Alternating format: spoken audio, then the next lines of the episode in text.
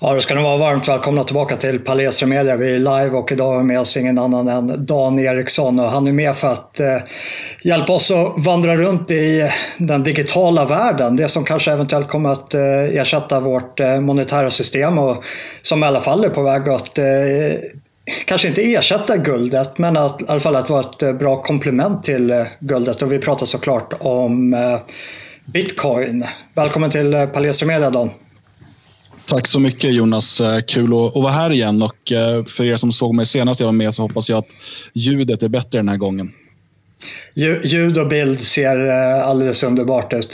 Kul, att ha med jag, jag kan tyvärr inte göra någonting åt den här lockdown-frisyren. Jag, jag, är i Tyskland och allt är totalt nedstängt sedan över ja, det är snart två månader. och Jag hade en, en frisörtid bokad den 17 december. Allt stängdes ner den 15 december. Därför ser det ut så här. Ja, eh, jag, jag funderar på att investera i en eh, jag har alltid, också, också alltid klippt mig hos eh, frisör och jag är så lite vanemänniska så jag har alltid gått till samma. Men eh, jag, jag funderar på nu när man har skaffat familj, man ser över en budget på ett helt annat sätt och eh, eh vi kommer väl ha, få fler barn inom en snar framtid eh, för, hoppas jag. Och, eh, det hör ju nästan till att man börjar klippa sig hemma. Att man köper sig en trimmer och eh, tar, eh, tar ett ansvar där och sparar, sparar de pengar som man lägger hos frisören och kanske köper kryptovalutor för. Ja, eh, precis det. Eh, min fru har faktiskt beställt något så här frisörset nu och så där också. Hon är intresserad av sånt. Så att hon ska få klippa mig. Eh, de som kollar på mina sändningar framöver kanske får se hur resultatet blir. Men som du säger, om man kan spara jag vet inte vad normala människor lägger på en frisör. 250 till 500 kronor i månaden kanske. Eh, för män i alla fall.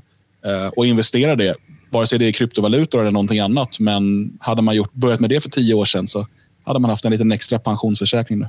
Mm. Eh, jag, jag, tänkte att vi, vi börjar lite i, eh, i änden över vad det finns för behovsanalyser. Det, det halkar ju också in på vilka brister vi har inom eh, vårt nuvarande system. Och eh, vi som är lite äldre i gamet inom den oppositionella rörelsen så är det ju det monetära systemet är ju något som har legat latent där, även fast vi kanske har fokuserat på andra områden också, fast det är någonting som har funnits i vårt eh, medvetande.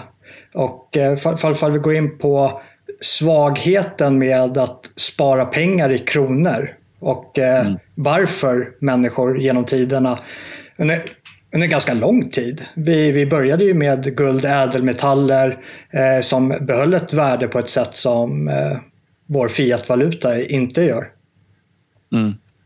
Nej, och det finns, ju, det finns ju flera problem med det. Ett av de största felen folk gör idag när de sparar eh, pengar, det är ju att de eh, har det på något typ av bankkonto eller i madrassen för den delen.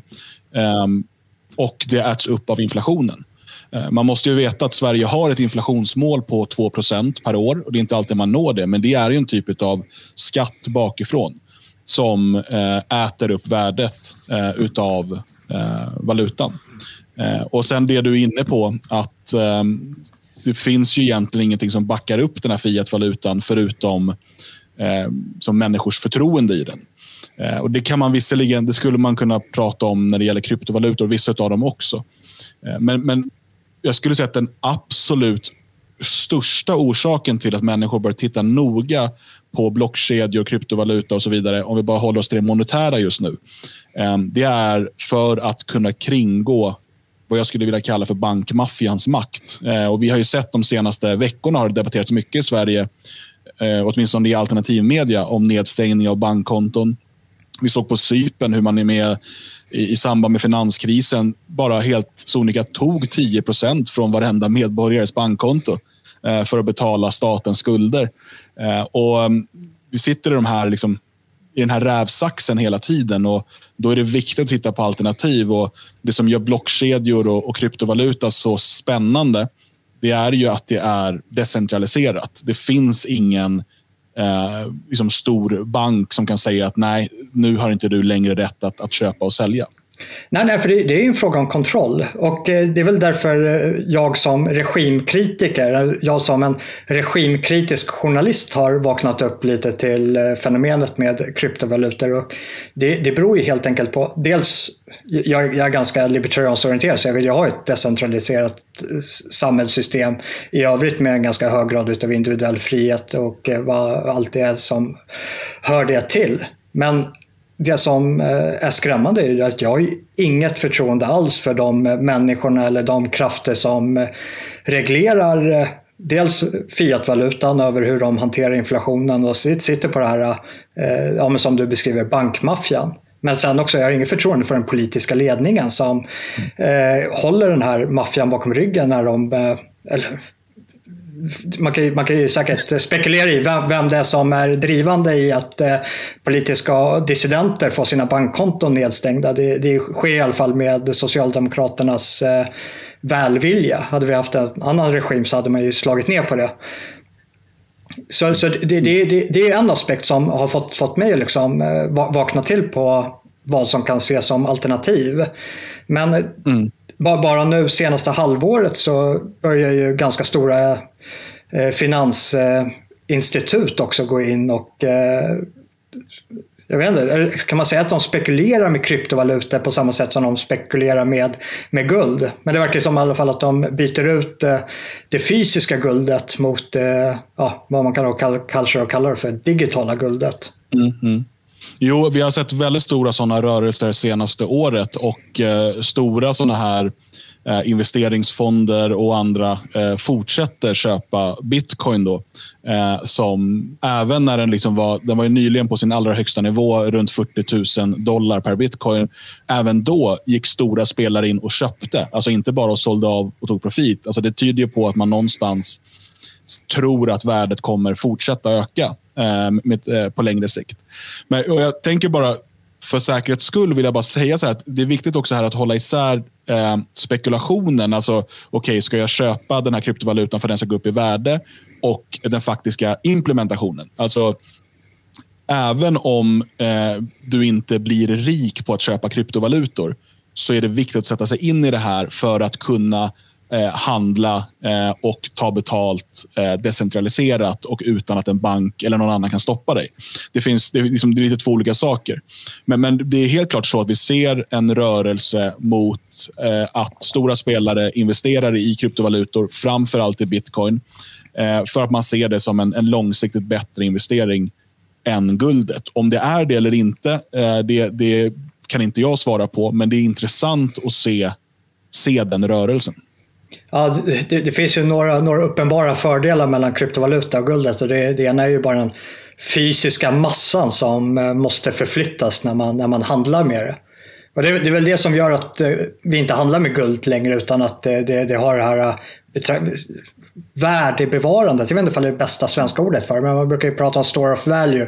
Alltså att förhindra att ens surt förvärvade sparade kronor bara försvinner på bankkontot på grund av inflationen.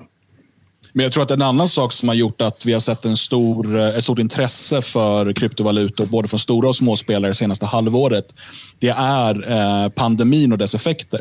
För att eh, vi hör alla nu, alltså vi, vi ser hur företag går i konkurs och vi ser hur eh, människor blir av med arbete och så vidare. Och Det politiker säger är att ja, men vi har stödpaket, vi kommer betala för eh, att rädda restauranger och kulturbranschen och företag och, och vi kommer betala för löner och så vidare. Och Frågan är, okay, hur ska de här betalas? Det är inte så att eh, vad en folk kanske tror så är det inte så att staten sitter på ett stort kassavalv med oanvända resurser. Eh, eller att det på något sätt nu produceras värde motsvarande det som man säger ska, att man ska betala. Utan det man gör istället då, det är att digitalt eh, framför allt trycka mer pengar. Eh, vilket gör att man får en ökad inflation. Alltså att pengarna förlorar i värde. Så att Alltså man, egentligen det man gör är att man sätter framtida generationer i skuld. Eh, och Det här riskerar, eh, och det är svårt att säga om det är på kort eller på lång sikt, men det riskerar såklart att helt urholka Eh, fiat-valutasystemet.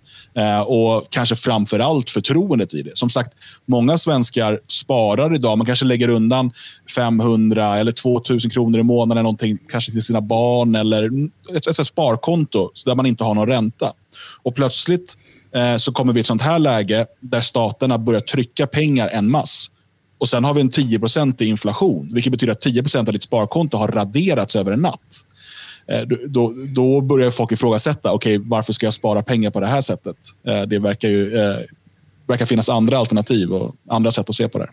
Ja, och eh, jag, jag tror att det, det, kan vara en bra brygga för eh, jag är ju med dig på grund av att eh, jag, jag vet att allmänkunskapen i bred bemärkelse är väldigt, väldigt låg när det kommer till kryptovalutor och jag tror att tar man ett svenskt snitt så ligger jag nog säkerligen en bra bit över det. Men min egen kunskap är ju i princip obefintlig. Jag förstår ju koncepten kring det monetära systemet. Jag ser svagheterna kring det och eh, varför det ibland måste typ nollställas, vilket är lite skrämmande över hur de pratar om the great reset i samband med, mm. med den här pandemin. Men när vi pratar ädelmetaller, det är ändå så här, det är så fysiskt påtagligt och eh, vi, ja, man, man, vi, man, man, kan känna det på ett annat sätt än vad man kan känna en blockkedja. Eh, samtidigt som att du vet att ja, men det, det, är, det finns en begränsad upplaga kring det och det, vi, vi, vårt valutasystem vilade på guldstandarden en gång i tiden just på grund av att det finns en stabilitet i de här ädelmetallerna. Och sen så har ju det kanske manipulerats också i vissa skeenden i historien och kanske framförallt med diamanter. Men eh, fall du ska förklara för jag, jag tror det svenska folket ligger på en lågstadienivå här. Om, om, om du ska bara förklara, vad, vad, vad är en blockkedja? Vad är det som gör att eh, bitcoin och de här andra kryptovalutorna eh, inte riskerar eh, de här fallgroparna som eh, fiatvalutan är, eh, eh är, är i farozonen för? Alltså det kan finnas risker med eh, kryptovalutan också. Och det är de framförallt största riskerna är nog statliga regleringar eh, som kan göra att, den kan, att det kan förändra värdet och så. Men om man enkelt ska förklara en blockkedja, jag tänker inte bli för teknisk för det finns ingen mening med det. Men om du föreställer dig att du idag eh, har eh, ett bankkonto på din bank eh, och sen så sätter du in tusen kronor där. och då har du, Förut hade man en bankbok. Idag är det ju liksom lite mer digitalt än så. Men då är det banken som säger ja, han har tusen kronor på sitt konto. och När du tar ut 100 kronor då tar de bort 100 kronor från ditt konto och så vidare. Då är det centraliserat hos banken. De har den informationen och de kan liksom eh, ja, de, de tillhandahåller den så att säga. Det, är väl det som... Ja, förlåt, fortsätt. Eh, jag, jag kan, kan flika in efter. Ja, en decentraliserad lösning som då en blockkedja är. Och då måste man se framför sig, eh, tänk dig att det är, eh, jag säger bitcoins fall, vi pratar tiotusentals, kanske hundratusentals personer som eh, samtidigt har den här informationen och de hela tiden kommunicerar med varandra. Det är de här, och, och så fort du vill göra en transaktion med, om du har i din plånbok, eh, tusen kronor säger vi, bara för att göra det enkelt, inte bitcoin, eh, och du tar ut 100 kronor, då behöver det, eh, den här transaktionen då, eh, liksom bekräftas av x antal, det är lite olika beroende på vilka det är, men x antal sådana här olika eh, noder som det kallas, alltså där den här informationen sparas. Och Sen synkroniseras det här över hela nätverket. Um, och Det är dels ett sätt att skydda mot, att det, mot bedrägeri, men och, och, Det gör då att de här personerna som man lånar ut sin datorkraft för att bekräfta transaktioner och hålla reda på blockkedjan. De belönas. Det är det här som kallas för mining. Alltså att de gräver, de, de skapar bitcoin. De belönas. Du betalar en transaktionsavgift och det här delas då ut på de som har bekräftat din. Och det, alltså, det är mer tekniskt än så, men det är ungefär så man måste förstå det. att Informationen är decentraliserad. Den finns, du kan själv eh, ladda ner liksom hela eh, transaktionsregistret och vara en av de som synkar det här. Det kräver ganska mycket datorkraft i dagsläget, för det har blivit ganska stort. Men, eh, så att en blockkedja är eh, eh, en centraliserad ehm, man säger ledger, jag vet inte vad det på svenska ordet är för det. Alltså en, en eh, alltså en, en, egentligen plus och minuslista eh, över transaktioner. Ja. Eh, som, som då sprids ut på, på hundratusentals eh, personer. Och då, Ledger, är det, det, det är väl hävstång? Ja, inte riktigt. Alltså Ledger är ju själva eh, bankboken så att säga. Ja. För, för det är det som är svagheten, det jag tänkte flika in när jag hörde dig prata. Att eh, då är man ju utlämnad till eh, den här, uh, han som för boken på banken. Vilket har då skapat det här tidigare problemet som många krig har startats kring att eh, det har lånats ut mer pengar än vad som finns på banken och allting bara är poster som flyttar fram och tillbaka. Och det är det här som då omöjliggörs med den här blockkedjan.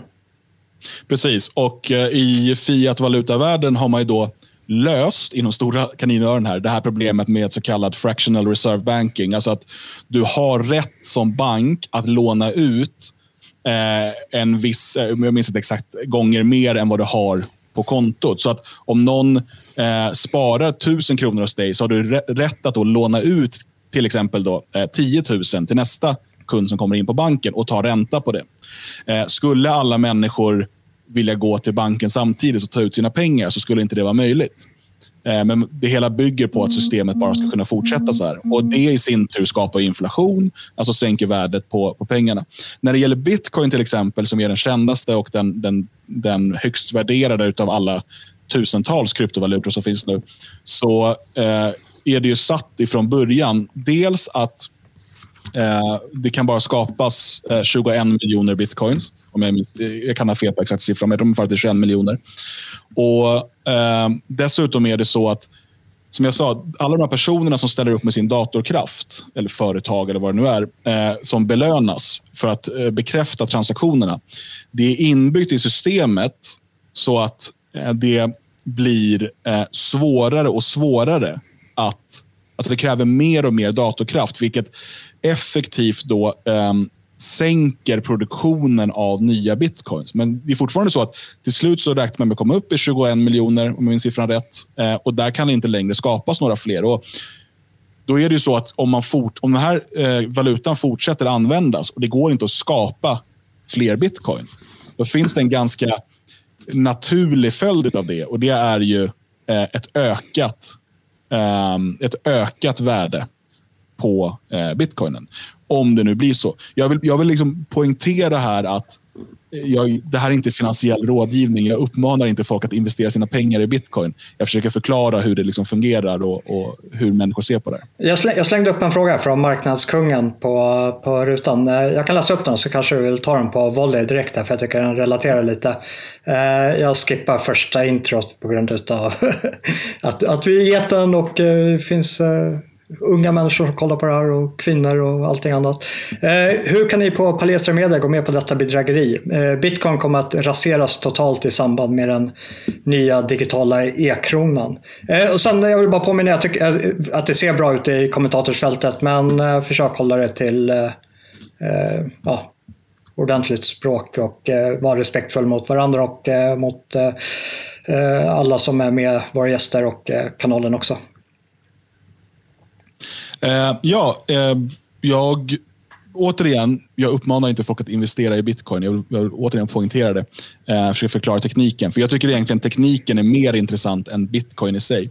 Men eh, det, varför skulle e-kronan rasera? Jag, jag är inte riktigt säker på hur, hur de två sakerna skulle hänga ihop.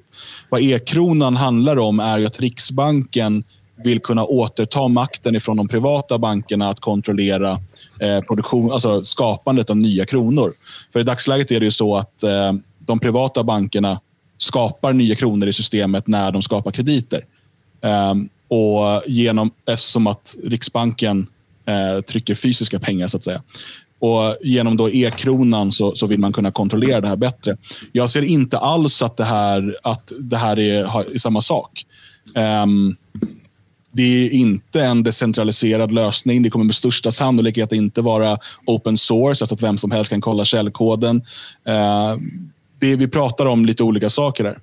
Eh, däremot är det så att när det gäller bitcoin, om vi stannar vid det, och värdet på bitcoin, så finns det inga garantier för att det kommer varken behålla eller öka i värde. Och en risk som finns för den som vill spekulera i bitcoin, det är ju just statliga Eh, eh, regleringar som säger, som till exempel kanske då gör det jättesvårt att ehm, sen om man vill ha ut fiatvaluta för att man vill handla med det i butiker som bara tar emot kronor, eller dollar eller euro.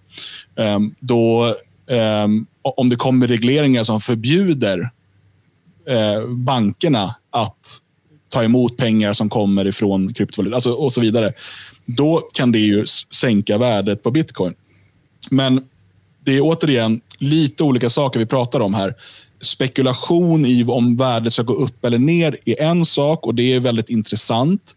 Eh, men det mest intressanta är ju i mina ögon tekniken bakom som dessutom kan användas för så mycket mer än kryptovaluta.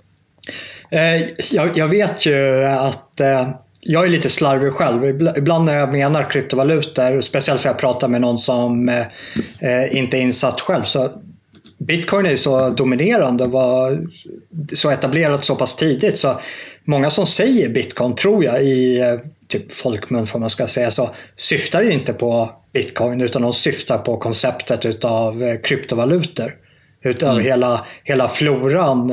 Eh, och eh, det, det, finns ju flera appliceringsområden utav eh, bitcoin eller de övriga kryptovalutorna. Eh, ett som vi har varit inne på var ju lite utav store of value. Att eh, ja, men man kan välja att spara sina kronor, surt kronor på bitcoin istället för att ha dem på kontot och se dem försvinna i form av eh, inflation.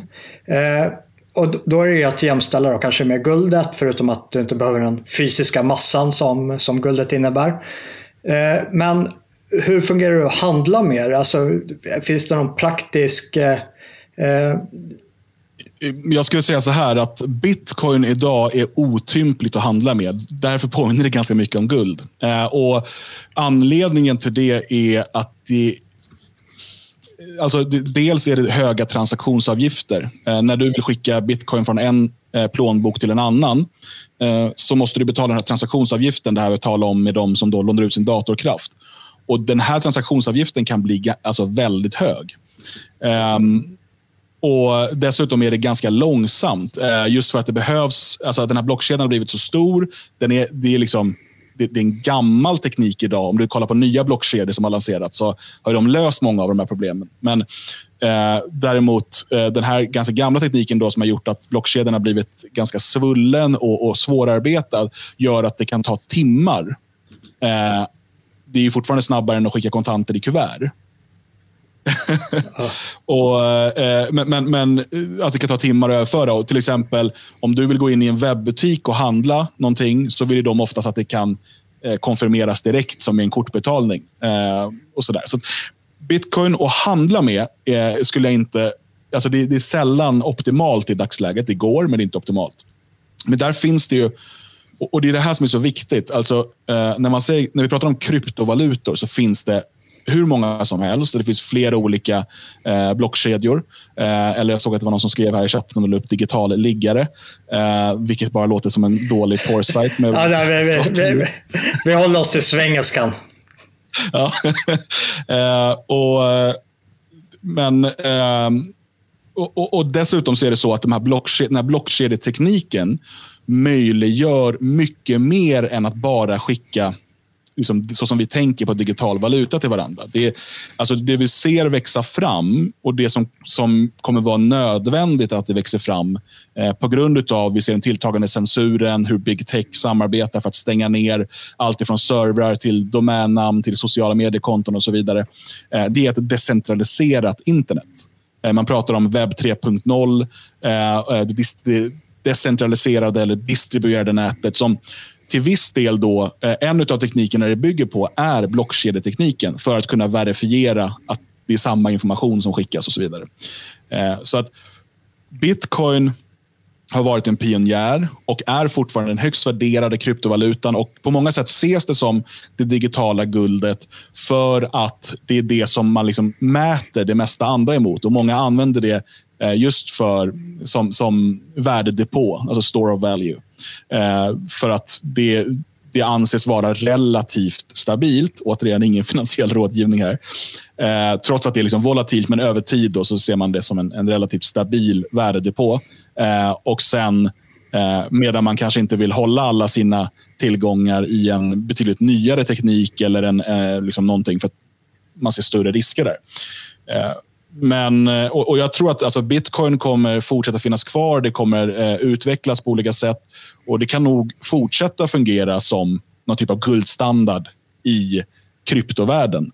Men för praktiska implikationer eh, så, så är, finns det andra lösningar som är billigare, snabbare, smidigare och så vidare. Som, som proppar fram hela tiden. Och det, det är en väldigt, väldigt spännande utveckling. Och, och, för de som inte hänger med utav våra tittare, jag ser i chatten att det är många som, som är ganska kunniga, men eh, för de som är, ligger på min nivå och neråt, alltså vart börjar man för att ta del av den här nya världen, kan man nästan kalla det, av den här kryptovaluta-infrastrukturen? Hur, hur, mm. För du ska putta någon rätt att bara kunna börja orientera sig lite, vad, vad är de första stapplande stegen? Jag skulle säga så här att eh, man ska inte vara rädd för att testa på. Eh, och eh, Det är inte så komplicerat som det kan verka. För de, för de allra flesta användare eh, så är det inte mer komplicerat än att öppna ett bankkonto och använda sitt vanliga bankkonto. Du som vanlig användare av tekniken så behöver du inte liksom till 100% förstå vad som händer i bakgrunden eller lägga dig i hur skapas den här eller så. Eh, utan du kanske bara vill använda den för att dels använda de applikationer som finns. Alltså de, tänk dig ett, ett decentraliserat Twitter till exempel. Det finns decentraliserade sociala medier. Um, eller du vill använda det för att betala eh, och ta betalt på nätet. Eh, och Då behöver du egentligen eh, en plånbok. Eh, eh tänk dig ett bankkonto. Och Där finns det två grovt sett finns det två olika sorters plånböcker. Eh, det ena är det som kallas för custodian, ehm, alltså där du själv inte har eh, du har själv inte kontrollen över... Alltså, du har inte pengarna i madrassen så att säga, utan du har dem hos någon annan. Eh, du har inte dina privata nycklar, eh, som det kallas. Eh, utan det är lite som att ha det på ett bankkonto. Och Det kan finnas fördelar med det för enkelheten. Eh, och Ofta har de som, har en, eh, de som erbjuder en sån lösning eh, har också en inbyggd lösning för att du ska kunna ehm, köpa krypto med ditt Visakort till exempel. Eh, så att det är väldigt lätt insteg. risken är att som du inte har kontroll över, precis som risken hos banken, det är ju att det här företaget där du har ditt värde, eh, dina krypto, att de går i konkurs eller att de sticker med pengarna. Eh, och Det har ju varit eh, liksom exempel genom åren som har påmint om, påmint om vilda västern. Och det har ju strukturerats upp mycket mer. Men man bör liksom veta det. Det andra är att man har en plånbok själv, alltså där du själv har de privata nycklarna. Och Det är inte mer komplicerat egentligen. Eh, och Det som gäller då det är att du eh, håller koll på håller koll på den. Eh, om det är liksom den, den, datafilen, om du har den i hårdvara, alltså på en hårdvara eller hur det fungerar. Och eh, ditt lösenord till den. För att det går inte att återställa på något sätt. Har du ett konto hos någon som är en custodian, alltså som är, som är som en bank, då kan du alltid återställa genom att verifiera din identitet. jag har glömt lösenordet, jag behöver hjälp. Precis som på alla andra sajter. Har du den själv, och du tappar bort den eller du eh, glömmer bort lösenordet, då är det förlorat. Så det, det är en fråga lite om du litar mer på andra än vad du litar på dig själv? ja, Kanske. och eh, det, sen finns det, alltså man kan gå ner på djupare nivå, liksom tekniska eh, skillnader. Sådär, men men eh, oftast så behöver man ha båda och. Eller alltså, du måste inte ha det för att komma igång eller så. Men till exempel så är det många som vill handla på börser. Eh, alltså att hålla på med trading och sådär. Och då behöver du ju... Nu finns det decentraliserade börser. Det kanske är lite överkurs, men det är något som har slagit väldigt hårt senaste året. Eh, men då behöver du ju ha din, dina krypto hos den här börsen. För, precis som att du har det på ditt Avanza-konto och lägga in pengar för att kunna handla och köpa med aktier. Ehm, men samtidigt så eh, kanske du vill ha, precis som att du vill ha, om du sparar i guld, så vill du ha ditt fysiska guld hemma eller i ditt, eller i ditt eh, eh kassaskåp. För att det vill du inte ha hos banken ifall att det går fel hos banken. Och eh, Det är därför det är mycket bättre om du köper guld, att du köper fysiskt guld än att köpa en, en, eh, något som symboliserar guldets värde. Eh, så det, det, det liksom, man, man, kan använda sig av både och. men det är inte svårt att komma igång. Det är absolut inte svårare än att öppna ett bankkonto. Det man ska veta är att ska du köpa kryptovaluta för fiatpengar genom till exempel um, med ditt Visakort eller, eller banköverföring eller så, då kommer du, och så gott som alla eh, där du har möjlighet att göra det, eh, kommer du behöva legitimera dig på något sätt. Det här har reglerats upp under de senaste åren. Um, och Vill man inte det, vill man liksom vara helt anonym, eh, så finns det lösningar på det. Jag kommer inte gå in på det nu, men det går att söka sig fram till på nätet. Um, men men eh, generellt sett så behöver du då öppna ett konto hos någon, eh, till exempel populärt är till exempel krypto.com. Eh, och Då kan du legitimera dig och sen kan du ansluta ditt kort eller eh, köra en banköverföring och börja köpa krypto där. Sen kan du, och Det är en sån custodian eh, leverantör. Alltså de har då dina krypto, dina privata nycklar. Sen kan du föra ut det därifrån till din privata plånbok om du så vill. Men det, det kan vara liksom ett lätt sätt att komma igång. Och jag, eh, min, jag, jag eh, alltså, det här handlar inte så mycket om att ge exakta tips till de som redan är superinsatta. Liksom, utan göra det enkelt för folk. För det, det ser jag som mitt viktigaste uppdrag. Jag skriver om det här ämnet ungefär två gånger i veckan på daneriksson.com. Och det, det, är för att jag vill, jag vill hjälpa de människor som fortfarande inte har tagit steget in. Att göra det enkelt att komma igång.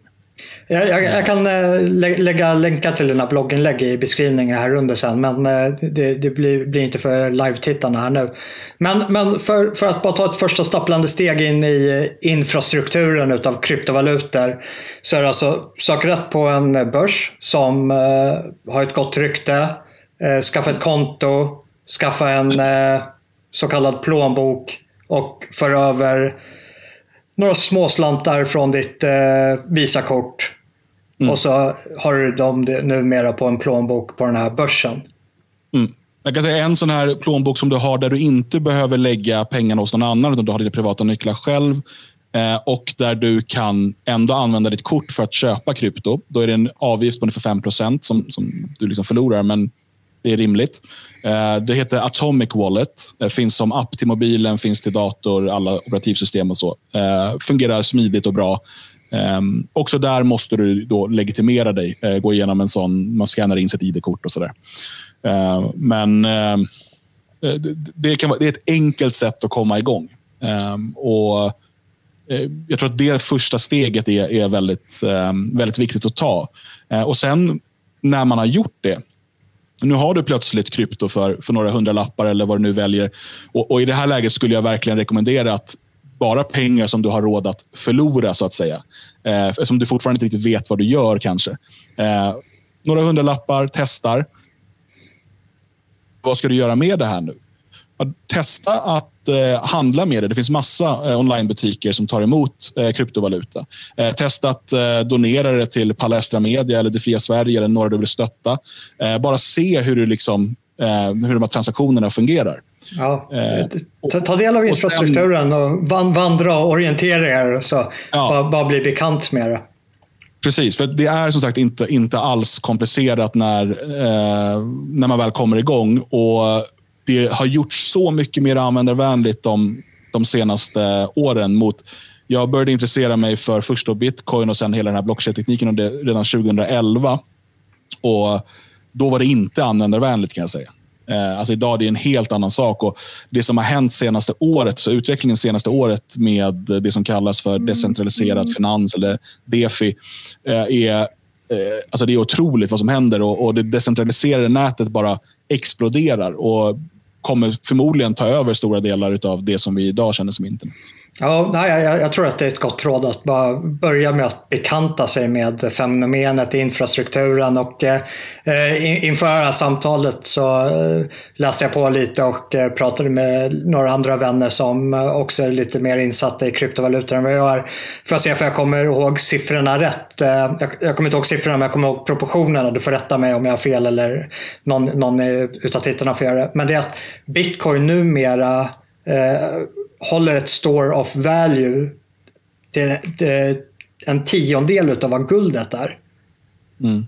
Alltså det, de är tio gånger ifrån vad som har varit liksom guldstandarden i att ta ut och bevara värdet. Mm. Det, det, det, det, måste jag ändå se som revolutionerande på något sätt. Mm. Eh, en annan sak eh, jag tycker att man ska nämna, eh, Du vi sa det här med, med, med bitcoin, att det är dyra transaktioner, långsamma transaktioner och så vidare. Att det inte passar för det dagliga användandet. En annan sak är, för det finns ett, ett missförstånd att, kring att bitcoin skulle vara anonymt. Um, och Det kan det ju vara. Alltså det går inte att kanske för vem som helst att se vem som äger vilken plånbok. Men egentligen är det ju motsatsen till anonymt.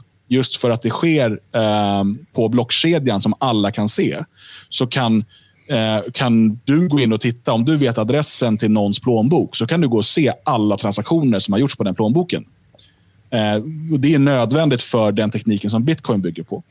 Och Är det så att man är, det är anonymitet man är ute efter så finns det kryptovalutor som har det som högsta standard, där det inte går att eftersöka och så vidare. Är, det att man har förväxlat anonymitet med, eh, med kontroll? Kan vara det. Och sen var det ju, eh, alltså, det är klart att, du kan ha, att det kan vara svårt att koppla en plånbok till en fysisk person om du aldrig har liksom legitimerat dig någonstans eller så. Det är därför bitcoin används på, på dark web och så där för handlat med droger och vapen och allt möjligt. Eh, så det går ju att vara anonym, men själva plånboken är ju synlig. Så att om, om du tittar på en adress, om någon som ber om donationer till exempel och lägger ut sin bitcoin-adress, då kan du kolla upp hur mycket donationer har personen fått, vad har den gjort med de här pengarna? I stort sett, det, det är inte riktigt så enkelt, men ungefär så kan du se det. Eh, så att det är inte anonymt på det sättet. Jag tycker att det är viktigt att poängtera också. För det, är ett vanligt missförstånd att det liksom sker i någon form av skugga ja, av allt. Liksom. Ja, i det fördolda försöka att skapa, skapa någon så här kriminellt eh, hölje utav att här är människor som har någonting att eh, dölja. Eh, men eh, för, för man pratar om kontroll och att det, det, det är väl det som gör att eh, människor som sitter i en maktställning eller som är väldigt eh, beroende och investerade i, i det nuvarande systemet. Vad är det de kan göra för att eh, ta kontroll över kryptovalutor? Alltså i form av eh, regleringar. Alltså vi får prata både bankväsendet och vårt politiska etablissemang. Mm. Det är väldigt, väldigt svårt. Ja. Um, för att det de kan göra, det som kan göras, uh, det är att göra det svårt Eh, omöjligt kan de inte göra det, men de kan göra det svårt för dig att um, alltså sälja av din kryptovaluta mot fiatvaluta och få ut det på ett traditionellt bankkonto. Det, den typen av regleringar eh, kan man göra. Och eh, det, det, Den risken finns såklart, men själva tekniken i sig kan inte riktigt stoppas med mindre än att man eh, förbjuder internet eller elektricitet om man så vill. Liksom. För att det är ju, den stora styrkan i att någonting är decentraliserat eh, och att du har tusentals, eller hundratusentals eller miljoner olika personer som, som håller uppe nätverket. Det är att det inte är en hemsida. En hemsida kan du stänga ner. Ett Twitterkonto kan du stänga ner. Ett bankkonto kan du stänga ner. Men om du effektivt ska stänga ner hundratusentals eh, datorers uppkoppling mot internet som dessutom, många av de här blockkedjorna jobbar med en typ av redundans eh, som går in med ett nödsystem och sådär.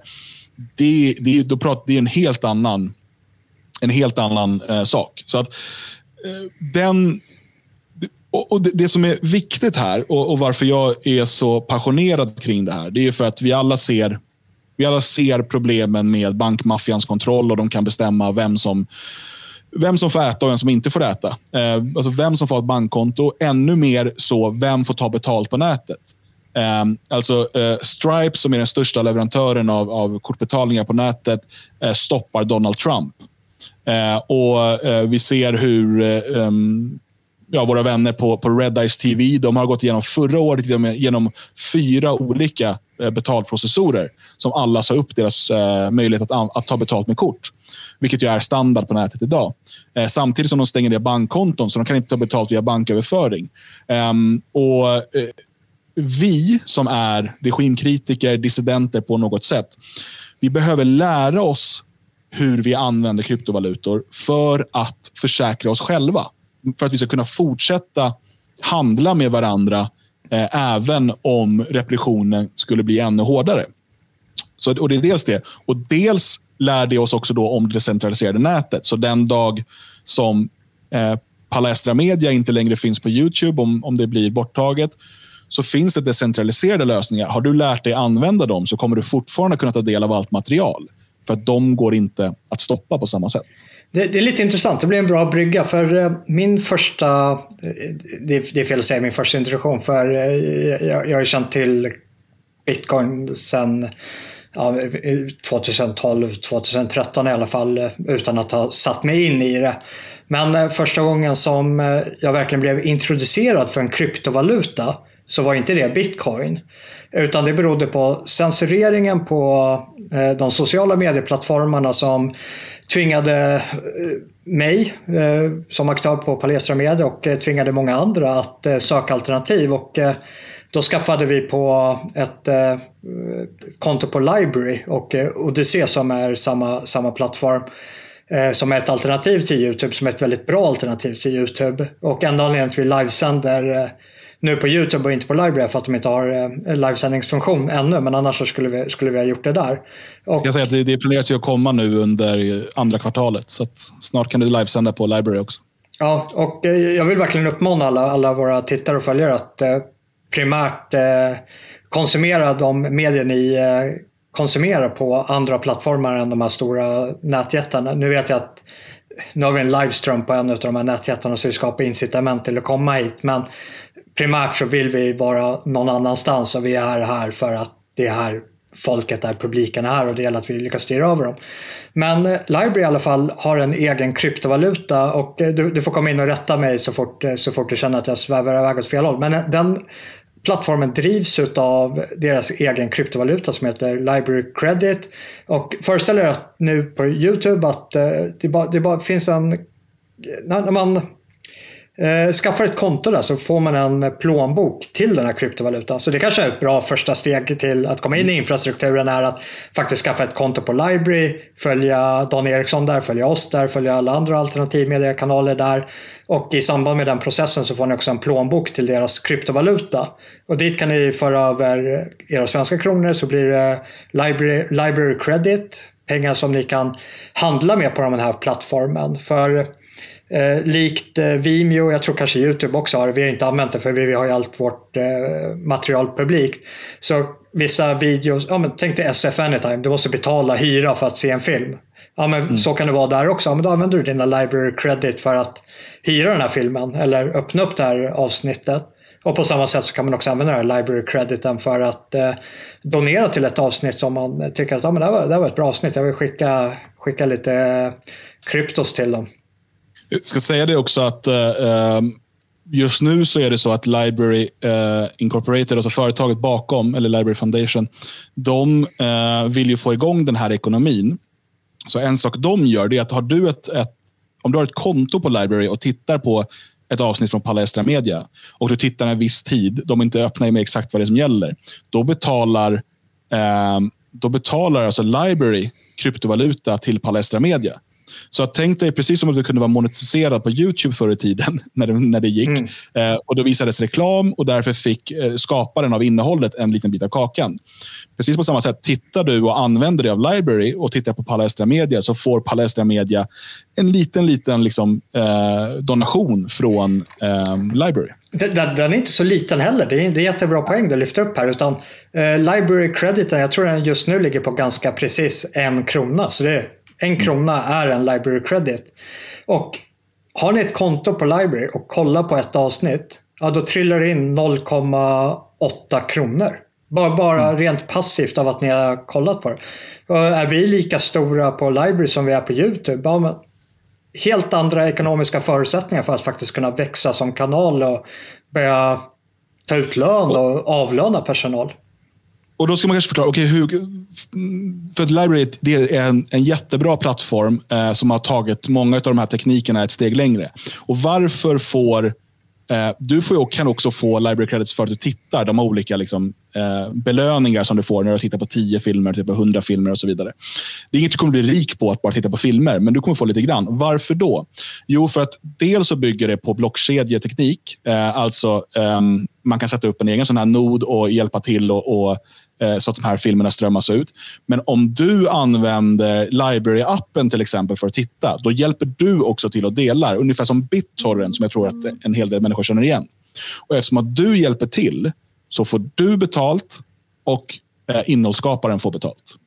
Det, det, är liksom tanken bakom det hela. Det, det har du rätt i. Det, det, är, en, det är en bra introduktion till, um, till kryptovalutor och liksom förstå uh, lite grann av, uh, av hur det fungerar. Och Library är verkligen det, det är en del utav eh, det här framväxande decentraliserade nätet som är, kan stå emot censur på ett helt annat sätt. Som kan belöna innehållsskapare på andra sätt än att liksom, behöva sälja sig till eh, stora firmor som gör reklam. Vilka alltid då kommer ha ett strypgrepp på företaget som säger att nej, ni måste ta bort Palestra Media för annars vill Coca-Cola inte vara här. Liksom. Eh, och, eh, men på ehm, om, om man bygger ekonomin på ett annat sätt, så som det är tänkt med det decentraliserade nätet, så försvinner den makten ifrån annonsörer, den makten ifrån en, ett enskilt företag som kan bestämma vad som ska visas och inte. Och det är det som gör det så oerhört, oerhört kraftfullt. Och för våra bekväma tittare så finns det faktiskt en länk redan nu i beskrivningen till, till Library. Utmärkt. Eh, och eh, Odyssey är väl det som många har sett eh, numera. Och det är ju, för det ska man också veta då, en, en intressant sak för den som vill gräva vidare här. Det finns flera olika blockkedjor eh, och Library har sin egen. Eh, men sen kan man på de här blockkedjorna bygga olika appar. Eh, decentraliserade appar som det kallas, eller DApps. Eh, och Odyssey är en app kan man säga för library-blockkedjan som gör det lite enklare, lite mer, det påminner mer om Youtube, det är mer fokus på video och så vidare. Library, där kan du också lägga upp mp3-filer, du kan lägga upp dokument, blogginlägg, det finns massa sådana saker du kan göra. Um, så, så Odyssey är som videoappen på den här blockkedjan. Precis det, som att du... Det, ja, det, det, är lite intressant, för det är så här, jag, vi pratade lite tidigare om att du behöver inte veta tekniken bakom det här. Och Dan har ju känt mig länge och eh, vi har arbetat ihop också. Jag är en total teknik, eh, icke-nörd. Alltså jag, jag, jag är tekniskt efterbliven. Och eh, jag tror Dan har spenderat många nätter med att försöka eh, rätta till en del saker som jag har gjort i våra tidigare projekt. Men jag har ingen, fram, fram tills nu, jag har ju funnits på Library på, jag vet inte, i ett års tid. Jag har aldrig förstått varför det finns eh, Odyssey och Library kopplat till samma blockkedja. Det för mig bara Nej, och, ja, och nu, nu, är det, eh, nu har du förstått det. Eh, det, är, det, är ett, det, är, ett, sätt för konsumenten, alltså den som ska ta del av innehållet, att göra det enklare. Och så här, publicera, visar upp det på ett enklare sätt som är familjärt för Youtube. Och de, jag vet att för Odyssey-appen så jobbas det på många häftiga funktioner som kommer göra det lättare för den som bara vill in och kolla på videofilmer, som inte liksom är teknikfreak. Eh, och Det finns ju som sagt flera olika blockkedjor och när det gäller såna här distribuerade eller decentraliserade appar så är den, den största är den som heter ethereum. Där eh, när man har satt sig in i det här och det är inte heller speciellt svårt. Du kan bara ha en plånbok i din webbläsare som en liksom plugga-in i din webbläsare som fungerar som eh, där du då kan logga in på alla de här apparna. Eh, du behöver aldrig liksom dela med dig av din mailadress eller din, alltså till de här, utan du loggar in. Och det, det finns allt ifrån spel. För den som gillar kortspel så eh, känner många säkert till Hearthstone från Blizzard. Eh, det finns en variant på det, så liknande typ av kortspel, eh, men på blockkedjan. Vilket också ger dig möjligheten att äga korten på riktigt. Det finns bara hundra stycken av den här draken eller vad det nu är. Och Det skapar en marknad där du kan köpa och sälja kort. Precis som kortspel var innan internet. Alltså den här typen av samlarkortspel. Um, men du, alltså du har allt ifrån sociala nätverk, eh, videotjänster, spel, eh, bloggtjänster, eh, chatttjänster. Alltså allt möjligt eh, som då bygger på olika blockkedjor. Och ethereum är den, den största i dagsläget för Eh, den här typen av appar som bygger på en blockkedja. Och Library har sin egen blockkedja, eh, alltså sin egen databas kan man säga. Det, det är, ett enkelt, liksom, det är en typ av distribuerad databas. Eh, och Odyssey är en app på Libraries eh, blockkedja. Mm. Jag, jag, tror att där någonstans så blev det mer, när, när man ser den här praktiska appliceringen så, så direkt påtaglig. Det blir det blir lättare att, att förstå det. Jag, jag såg också i, i Amerika att det var ja, men kanske någonting som är motsvarande hotels.com eller Tripadvisors eller någonting eh, som heter eh, Voyager som också har eh, en, baseras på en egen blockkedja där man använder deras kryptovaluta för att eh, tillgodose sig de här tjänsterna. Och där, där någonstans så tror jag att man börjar utskröna liksom framtiden på något sätt. På ett väldigt decentraliserat sätt. Och jag, jag ser väldigt positivt på det här också. För det, för det, det är en sån enkel... En av de största argumenten för euron var ju för att ja, men det blir smidigare. Ja, mm. smidigare, smidigare för vem? Smidigare för den som är i kontroll kanske att eh, kontrollera oss. Men det är ju oerhört smidigt att växla mellan till exempel Library, Voyager eller Bitcoin. Mm. Mellan eh, de här plånböckerna. Så, så mm. nu kanske det känns så skrämmande och onödigt att okay, men vi går till Library-plattformen och där handlar vi med eh, Library Credits och sen ska vi köpa den här resan och då måste vi ha Voyagers eh, kryptovaluta och eh, sen så har vi vår fiatvaluta. Men jag tror att i den här decentraliseringen att det, det är väldigt, väldigt simplistiskt bara man kommer över de här nya trösklarna utav ja, människan är ju ett vanedjur. Vi är vana på att göra mm. saker och ting. Och jag, jag såg någon i chatten här som eh, eh, ja, det får se om jag hittar eh, meddelandet. Jag får ursäkta att eh, jag hade velat lägga upp den i skärmen. Jo, här har vi. Eh, att som saknar eh, kontanterna. Eh, mm. jag, jag har ingenting emot kontanter. Jag föredrar att vi går tillbaka till ett kontantsamhälle istället för det kontantlösa samhälle som vi, vi är på väg mot nu. Och det är, anledningen varför jag för det är för att ja, det minskar kontrollen hos de som eh, sitter på den centraliserade makten. Men det är väl det som kryptovalutor också fyller för syfte. Så, Precis. Eh, jag vill bara säga det med kontanter. Jag, jag är ju helt för kontanter. Um, alltså, det är dock väldigt, väldigt osmidigt att handla online till exempel med kontanter. Um, eller att skicka dem eh, över, liksom, eh, över, större, över längre sträckor och sådär. eh, och då, då behövs en, en digital lösning. Eh, men, men Saken är att kryptovalutorna fyller på det sättet samma funktion för att det gör det oberoende från banken. Och det är bra att du nämner det här med de här olika kryptovalutorna och det kan verka liksom, okej, okay, ska jag ha den där och den där? För det är här en annan fin sak kommer in och jag nämnde det tidigare, DeFi, alltså decentraliserad finans och decentraliserade börser. Eh, ehm, det, det, det är ganska otroligt och jag ska inte göra det för krångligt nu, men tänk dig en en börs alltså där, där du kan växla från kryptovaluta 1 till kryptovaluta 2 utan att du behöver gå till en stor bank eller en, ett enskilt företag och göra det.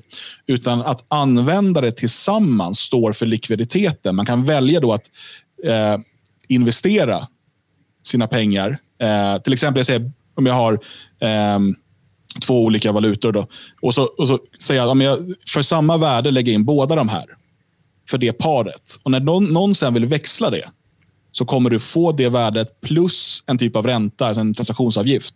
Som gör att för att du bidrar med likviditet till den här decentraliserade börsen. Du har hela tiden kontroll över dina pengar. Men du bidrar med likviditet. Eh, så får du också betalt för det. Precis som det normalt sett ska funka på ett sparkonto. Eh, och på det sättet blir alltså hela börsen, alltså hela, hela ehm, Eh, växelsystemet decentraliserat och kan därmed inte kontrolleras av en enda instans och därmed kan man inte, är det mycket svårare att stoppa det. Jag, jag, jag bara hör Anders Ygeman i mitt huvud och bara skriker, ja, men hur ska vi stimulera marknaden? Ja, det, genom att eh, bygga, genom att skapa värde som folk, gör att folk vill använda de här olika kryptovalutorna eller tokens som en del eh, talar om det som. och så där. Eh, valuta kan bli förvirrande ibland. Men eh, det, det, är väl genom att skapa värde. Det, det var så man gjorde förr. för, för socialdemokratin. ja. Uh, nej, så, så det, det, det, är en otrolig utveckling och just alltså förra året, det, det stora heta var just det här uh, decentraliserad finans och, och, hur det fungerar. För den som är intresserad kan man kolla in något som heter Uniswap till exempel, som är en sån decentraliserad börs. Uh, och plötsligt så eh, alltså det är en typ av demokratisering av finanssystemet. Alltså där alla människor är med på samma villkor. Och, eh, ofta brukar det också lyftas av eh, kryptoentusiaster och, och decentraliserade finansentusiaster att liksom, det finns närmare två miljarder människor i världen som inte har tillgång till eh, banksystemet av olika skäl. Antingen för att de bor liksom i fattiga länder och inte har liksom möjlighet så, eller för att de stängs ute på grund av politisk grund. Det finns massa anledningar. Men som plötsligt kan vara en del av eh, en eh, ekonomi eh, på samma villkor som alla andra. Ja, helt klart. Eh, vi, vi börjar närma oss eh, vår timme och eh, vi har ju släppt in publiken under hela resans eh, väg. Eh, är det någon som har eh, någon eh, konkret fråga till Dan? Någonting om kryptovalutor? Eller om Dan, eh, om du känner att eh, men jag, jag, tänker så här att um, om man är intresserad av det här, som sagt, jag skriver på, på daneriksson.com. Det är en nystartad blogg. Jag publicerar två inlägg i veckan. Uh, försöker ge grundläggande information framför allt. Vill man um, se, liksom förstå mer av det här decentraliserade nätet, prova, prova sig på det lite, så finns det flera intressanta projekt. Alltså Library är ett av dem. Uh, men du har till exempel något som heter Hive, Ehm, alltså H-I-V-E. Ehm, du har något som är på gång att lansera som heter D-web, eh, som, som verkar intressant. Vi får se hur, hur långt det liksom tar sig. Eh, jag har skrivit om IPFS har jag skrivit om på daneriksson.com. Man kan läsa om det där. Det finns flera sådana här intressanta projekt eh, som, som driver då det som kallas för webb 3.0. Eh, där, där, där, makten och datan är, är liksom decentraliserad. Du äger din egen information. Men det är du som, alltså, ingen kan stoppa dig från att dela med dig av den. Och det, det är, och information i det här fallet kan ju vara allt ifrån liksom, någonting som har ett valuta, ett värde, eller ett, ett blogginlägg, eller musik eller vad det nu än är. Eh, men du är i full kontroll över den och eh, det kan inte censureras av ett, ett företag eller en person som, som är lite nyckfull. Eh, blir, blir, blir, blir det här döden för nätjättarna? Jag tror att vi kommer få se, eh, den kommande tiden kommer vi få se eh, två olika internet växa fram. Eh, alltså webb 2.0 och 3.0.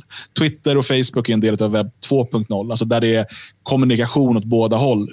Om du minns hur internet var innan så var det oftast man hade en hemsida som bara berättade. Liksom. Men, men sen har man då men sociala nu interagerar medier. vi. Och... Ja, precis.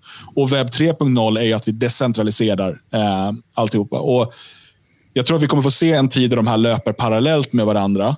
Eh, men ju mer människor förstår incitamenten med decentralisering eh, och, och, och frihet ifrån eh, bankmaffia, Visakortmaffian och så vidare eh, och, och förstår att det, det ligger lite på mig att faktiskt lära mig att använda det här. Det är inte många timmar du behöver investera för att lära dig det. För att i framtiden också kunna stödja och, och vad, liksom, se till att alternativmedia till exempel kan, kan leva vidare ifall att Visa, Mastercard och, och de här fortsätter i den riktning som de tyvärr går nu. Eh, så allt fler människor kommer använda sig av webb 3.0. Eh, framför allt nu när det blir mer och mer lättillgängligt. Man behöver inte vara en, en datanörd för att fatta. Eh, och, och, Det är så stora steg hela tiden. Eh, samtidigt så eh, kommer nog de som inte... Alltså, vänsterkotteriet på Twitter, de kommer nog gärna stanna där. Det är väl en trevlig liten, eh, liten ankdamm. Liksom. Ja. Ja, jag, jag, tror det. Jag tror att ett bra första stapplande steg är gå in på Library, skaffa ett konto, följ Dan, följ oss eh, och eh, bara börja orientera er i det fria internetet. Vilket, vilket det, är, det är en resa, jag, jag är ju själv där. Jag, Eh, det här kommer ju komma gratis för våra barn men vi, vi får ta mm. några första stapplande steg och vara var lite vilse innan vi hittar rätt. Ja, alltså jag skulle säga att eh, en hel del använder sig av eh, blockkedjeteknik och, och, även kryptovalutor utan att riktigt fatta det att de gör det än så länge. Eh, något som har varit populärt bland framförallt ungdomar och så här, eh, game streamers och så där, är D-Live, eh, som, där man kan sända live. Eh, som delvis då bygger på en blockkedjeteknik och så vidare. Där kommer en ny uppföljare nu som är, är eh, Theta, T-H-E-T-A.tv som också är för streaming och sådär, framförallt inne på spel.